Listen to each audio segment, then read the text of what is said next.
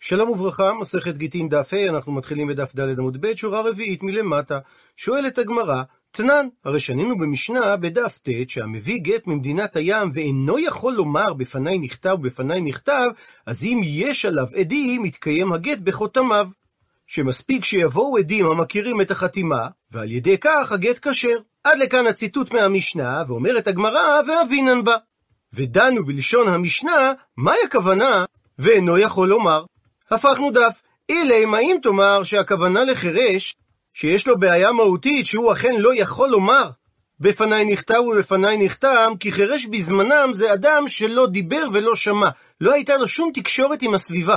מה שאין כן, אדם אילם, או אדם שלא ראה את כתיבת הגט, שעל מציאות כזאת המשנה לא דיברה, כי אם כן, אז הייתה נוקטת המשנה לשון ולא אמר. אבל לא ייתכן לומר שהמשנה מדברת על חירש, שהרי חירש בר עיתוי הגיתא הוא, האם הוא יכול להיות שליח להולכת הגט? והאתנן, והרי שנינו במשנה בדף כ"ג, הכל כשרים להביא את הגט, חוץ מחירש שוטה וקטן. שהמכנה המשותף ביניהם, שהם אינם בני דעה, ולכן אין הם יכולים לייסות שליח לגרש את האישה. ואמר רב יוסף, אחא במאי עסקינן, כאן במשנה באיזה מציאות מדובר?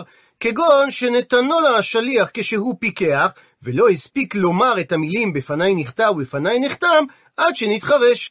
ובמקרה כזה אמרה המשנה שיתקיים השטר בחותמיו. ואם כך מסיימת הגמרא, לרבה ניחא לרבה קשיא.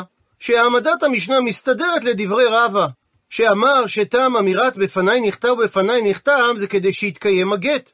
ובמקרה שהשליח לא יכול לומר את זה, אמרה המשנה שיתקיים הגט בחותמיו. אבל לרבה קשה, שהלא לדעתו, הצורך באמירת בפניי נכתב ובפניי נחתם, זה מפני שאין בני מדינת הים בקיאים בהלכה שצריך לכתוב את הגט לשמה של האישה. והבעיה הזאת לא נפתרת על ידי שיתקיים הגט בחותמיו. מתרצת הגמרא, הכא במאי עסקינן, כאן במשנה במה מדובר? לאחר שלמדו. שבשונה מהמשנה בתחילת הפרק, ששם מדובר על תקופה היסטורית, שבה בני מדינת הים אכן לא ידעו את ההלכה שצריך לכתוב את הגט לשמה, במשנה בדף כ"ג מדובר על תקופה היסטורית מאוחרת יותר, שבה בני מדינת הים כבר למדו שצריך לכתוב את הגט לשמה של האישה. מקשה הגמרא, אי הכי, אבל אם כך, שמדובר על תקופה שבני מדינת הים כבר למדו שצריך לכתוב את הגט לשמה, אז יכול נמי. גם כאשר השליח יכול לומר בפניי נכתב ובפניי נכתב, אין צורך שיאמר את זה. ובלבד שאפשר לפתור את בעיית הקיום על ידי אימות החתומים על השטר. ומדוע הדגישה המשנה שרק כאשר השליח אינו יכול לומר בפניי נכתב ובפניי נכתב, יתקיים הגט בחותמיו. מסבירה הגמרא שגם לאחר שלמדו, יש גזרה. שמא יחזור דבר לקלקולו, וישכחו שצריך לכתוב את הגט לשמה, ולכן גם אחר שלמדו את ההלכה הזאת, צריך השליח לבדוק שהוא לשמה. ממשיכה הגמרא ומקשה, אבל היא אחי, אם כך, אז גם כאשר אינו יכול השליח לומר בפניי נכתב ובפניי נכתב, משום הגזרה הזאת, נמי, גם אז נפסול את הגט. מתרצת הגמרא, שאכן באופן עקרוני היינו אמורים לפסול את הגט, אלא שהמקרה של פיקח ונתחרש, מילתא דלא שכיחא, זה דבר, מקרה שאינו מצוי, ומילתא דלא שכיחא לא גזור ברבנן. חכמים לא גזרו על מקרה שאינו שכיח. ולכן במקרה הזה, באופן ספציפי, התקיים הגט בחותמיו, למרות שהשליח לא אמר בפניי נכתב, בפניי נחתם. מקשה על כך הגמרא, והאישה דלא שכיחה, הרי המקרה שאישה מביאה את הגט כשליחה של הבעל, שהוא נתן לה את הגט בחוץ לארץ, ואמר שהיא לא תתגרש בקבלת הגט, אלא רק שתגיע לבית דין פלוני, שזה מקרה שאינו מצוי, ותנן, ושנינו במשנה בדף כ"ג, שהאישה עצמה מביאה גיטה, ובלבד שצריכה לומר בפניי נחתה ובפניי נחתם. והרי זה בדיוק כמו הפיקח ונתחרש, שזה דבר שאינו מצוי, ודבר שאינו מצוי לא גזרו בו חכמים. מתרצת הגמרא, שהטעם שהצריכו את האישה שמביאה את הגט בתורת שליחה, לומר בפניי נחתה ובפניי נחתם, זה כדי שלא תחלוק בשליחות, שלא חילקו חכמים בין שליח לשליח. מה שאין כן, כאשר השליח אינו יכול לומר בפניי נחתה ובפניי נחתם, הסתפקו חכמים בקיום הגט בחותמיו, שהרי גם השליח הזה הוא צריך לומר באופן עקרוני בפניי נחתה ובפניי נחתם, אלא שמבחינה טכנית הוא לא יכול לומר.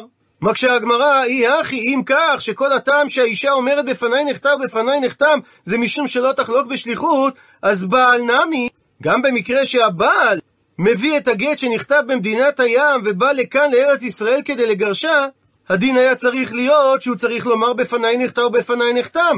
אה, למה תניא, מדוע שנינו בברייתא, שכאשר הוא עצמו שהביא גיתו ממדינת הים, אין הוא צריך לומר בפניי נכתב ובפניי נחתם. מתרצת הגמרא, שיש הבדל עקרוני בין אישה שמביאה את הגט בתורת שליח, לבין כאשר הבעל מביא את הגט, שהרי תמה מאי אמור רבנן, מה הטעם שתקנו חכמים שצריך לומר בפניי נכתב ובפניי נחתם? דילמה עתי בעל ומערער ופסילי.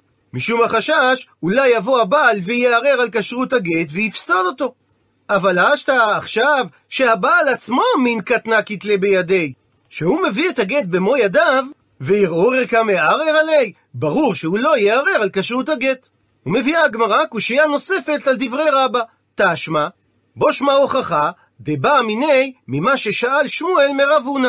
שניים שהביאו גט ממדינת הים, ושניהם נעשו שלוחים להביא את הגט. האם צריכים שיאמרו בפנינו נכתב ובפנינו נחתם, או אין צריכים?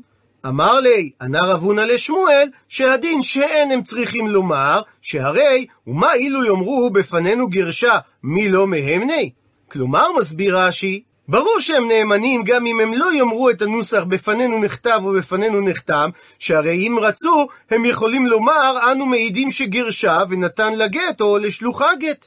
וכיוון שהם מעידים שהבעל מסר את הגט, הבעל כבר לא יוכל לערער עליו. עד לכאן תשובתו של רב הונא לשמואל, וכמקשה הגמרא, לרב הניחא לרבא קשיא. שהרי מתשובתו של רב הונא משמע שהעדים נאמנים מיגו מתוך כך שהם יכולים לקיים את הגט. ולרבא שסובר שהבעיה בגט שמגיע ממדינת הים זה דין לשמה, גם כאשר מגיעים שני עדים ממדינת הים, הם צריכים לומר שהגט נכתב לשמה. מתרצת הגמרא, אחא במאי עסקינן? כאן באיזה מציאות שאל שמואל את שאלתו לאחר שלמדו. ולכן אין חשש שהגט נכתב שלא לשמה. מקשה הגמרא, אי הכי, אז אם כך שמדובר לאחר שלמדו, חד נמי. גם כאשר עד אחד מביא את הגט, לא יצריכו אותו לומר בפניי נכתב ובפניי נחתם. והלא מתשובתו של רב הונא משמע שנאמנות העדים נובעת דווקא בגלל שמדובר על שני עדים, אבל אם היה מדובר על עד אחד, הוא היה צריך להעיד שהגט נכתב לשמה. עונה הגמרא שבעד אחד קיימת הגזרה, שמא יחזור הדבר לקלקולו. מקשה הגמרא, היא אחי, אז אם כך, בית רי נמי, קיימת אותה גזרה גם כאשר שני עדים מביאים את הגט. מתרצת הגמרא, בית רי דמייטו גיתא, זה ששני עדים יביאו את הגט, זה מילתא דלא שכיחא, דבר שאינו מצוי. אולי בגלל שיש בזה הוצאה כספית מאוד גדולה, ומילתא דלא שכיחא לא גזור ברבנן. וחכמים לא גזרו על מציאות שאינה מצויה. מקשה הגמרא, והאישה שמביאה את הגט שלה ממדינת הים בתורת שליח, דלא שכיחה, זה דבר שאינו מצוי, ותנן, ושנינו על כך במשנה, שהאישה עצמה שמביאה גיתה, ובלבד שהיא עצמה צריכה לומר בפניי נכתב ובפניי נחתם. למרות שזה דבר שאינו מצוי. מתרצת הגמרא, שאכן מעיקר הדין גם האישה לא הייתה אמורה לומר בפניי נכתב ובפניי נחתם, כי זה דבר שאינו שכיח, והסיבה שגזרו שהיא תאמר, שלא תחלוק בשליחות. אלא עשו אישור קו שכל סוגי השליחים שמביאים גט ממדינת הים צריכים לומר בפניי נכתב, בפניי נחתם. מקשה הגמרא, אי הכי, אם כך שכל סוגי השליחים צריכים לומר את הנוסח הזה, אז בעל נמי, גם בעל שמביא את הגט יהיה צריך לומר את הנוסח הזה. אה, למה תניא, מדוע שנינו בברייתא, שכאשר הוא עצמו שהביא גיתו ממדינת הים, אינו צריך לומר בפניי נכתב, בפניי נחתם. מתרצת הגמרא שיש בדבר חילוק עקרוני, שהרי תמה מאי אמור רבנן. מה הסיבה שחכמים אמרו שצריך השליח לומר בפניי נחתם בפניי נחתם? דילמה, כי קיים החשש, אולי עתי בעל מערער ופסילי, שאולי הבעל יבוא ויערער על כשרות הגט ויפסול אותו. אבל אשתא עכשיו שהבעל מין קטנקית בידי, שהוא במו ידיו מביא את הגט, וערעורי כמערער עלי, לא מסתבר שהוא יערער על כשרות הגט. ומביא הגמרא קושייה נוספת על רבא. תשמע, בו שמע הוכחה מהברייתא, המביא גט ממדינת הים, ונתנו לה, ולא אמר לה בפניי נחתם ובפניי נחתם. אז אם נתקיים הגט בחותמיו, הגט כשר, ואם לאו, הגט פסול. ומסיקה הברייתא, הווי, אמור מעתה, שלא הוצרכו לומר את הנוסח של בפניי נחתם, בפניי נחתם להחמיר עליה, שגם במקרה של גט מקוים נצריך את השליח לומר בפניי נחתם ובפניי נחתם, אלא להקל עליה. שמספיקה עדות השליח כדי לקיים את הגט. עד לכאן לשון הברייתא, וממילא לרבא שאמר שהשליח שאומר בפניי נחתם בפניי נחתם מעיד על קיום הגט ניחא. דברי הברייתא מובנים, אבל לרבא שאמר שמטרת עדות השליח זה כדי להעיד שהגט נכתב לשמה, קשיא.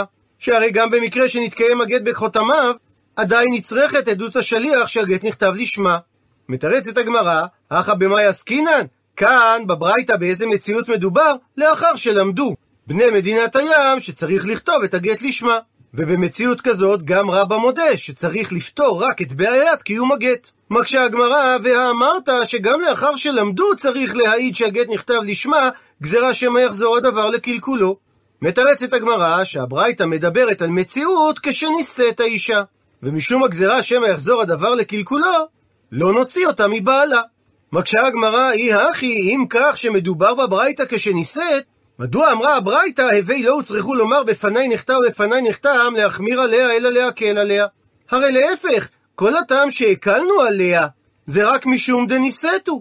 אבל אם היא לא הייתה נישאת כבר, לא היינו מתירים לה להינשא, משום הגזרה שמא יחזור הדבר לקלקולו, ואף על גב שיתקיים הגט בחותמיו.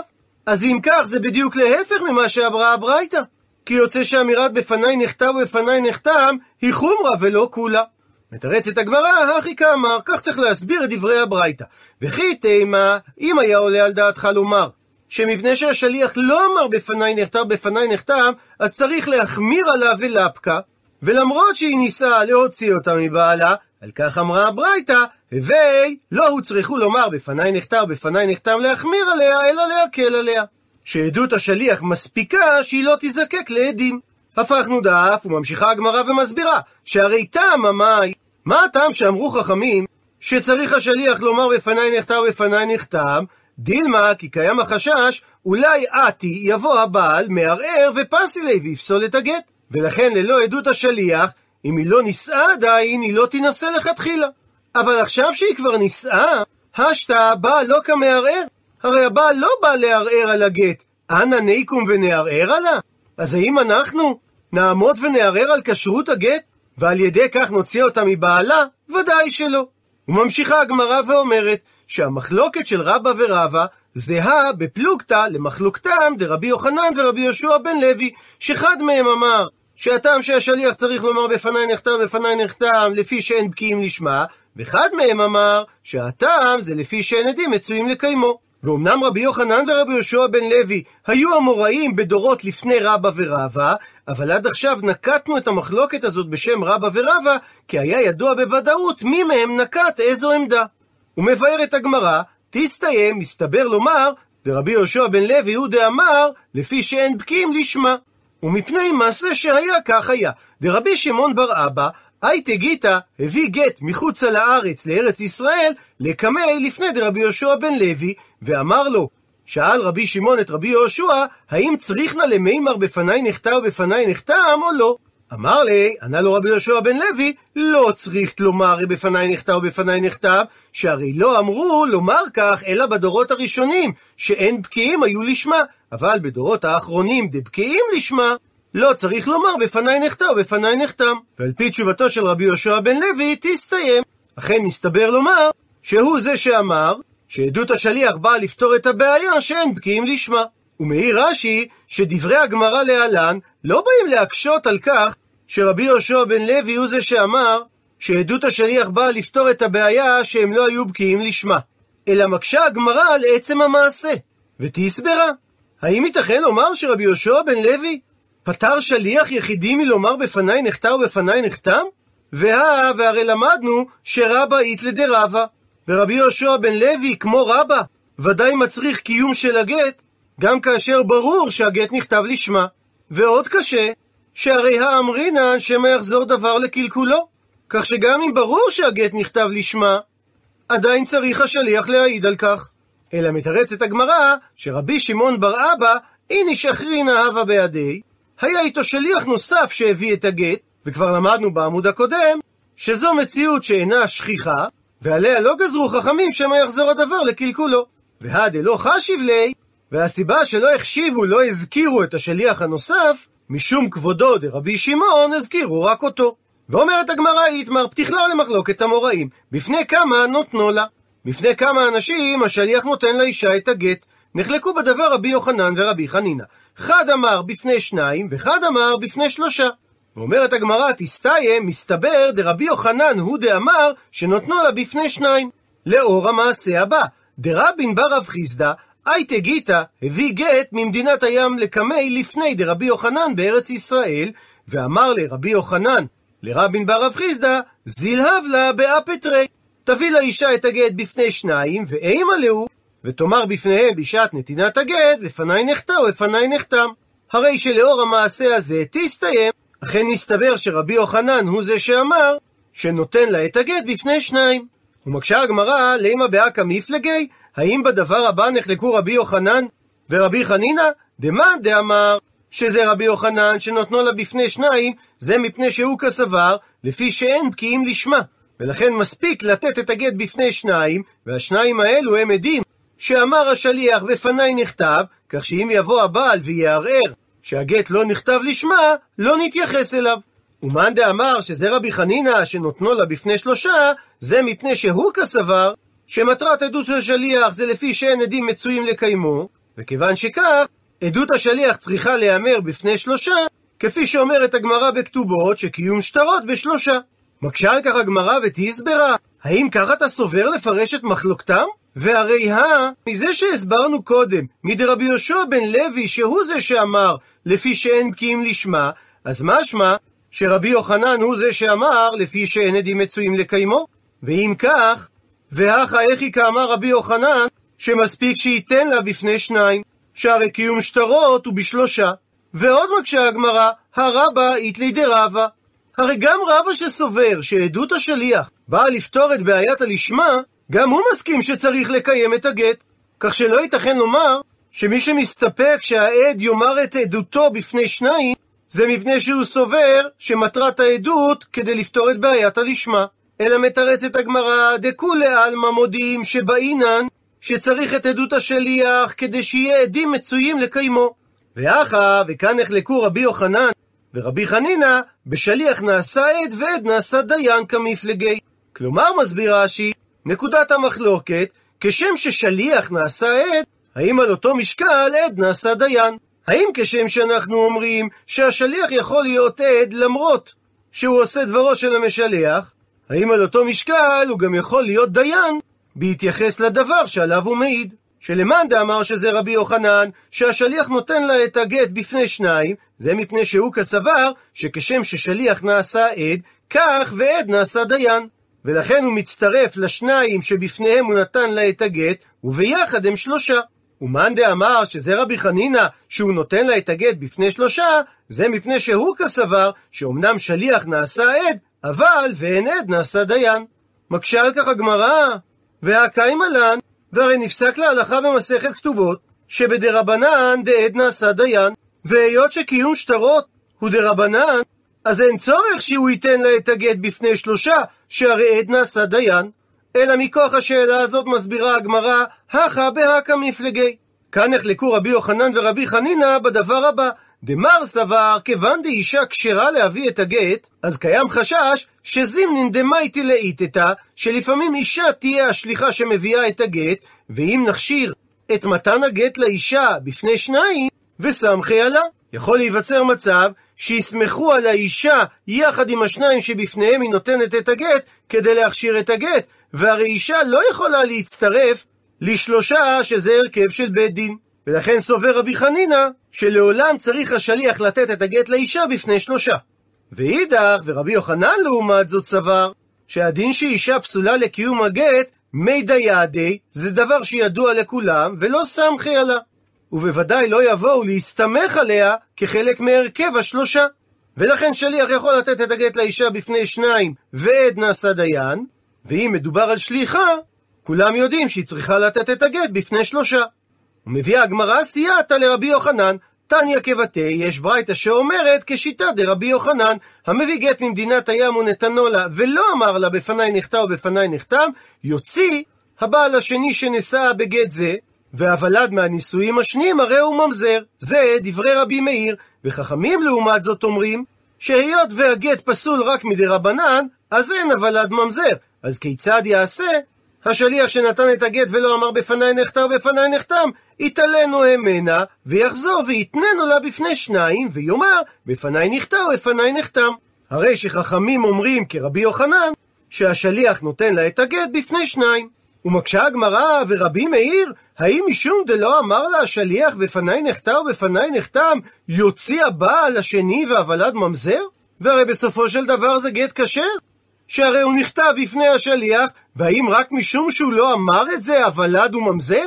מסבירה הגמרא, אין, אכן, לפי רבי מאיר במקרה כזה הוולד הוא ממזר, מפני שרבי מאיר לטעמי, לשיטתו, דאמר רב המנון המשמי דאולה, אומר היה רבי מאיר, שכל המשנה ממטבע שטבעו חכמים בגיטין, יוציא והוולד ממזר. עד לכאן דף ה'.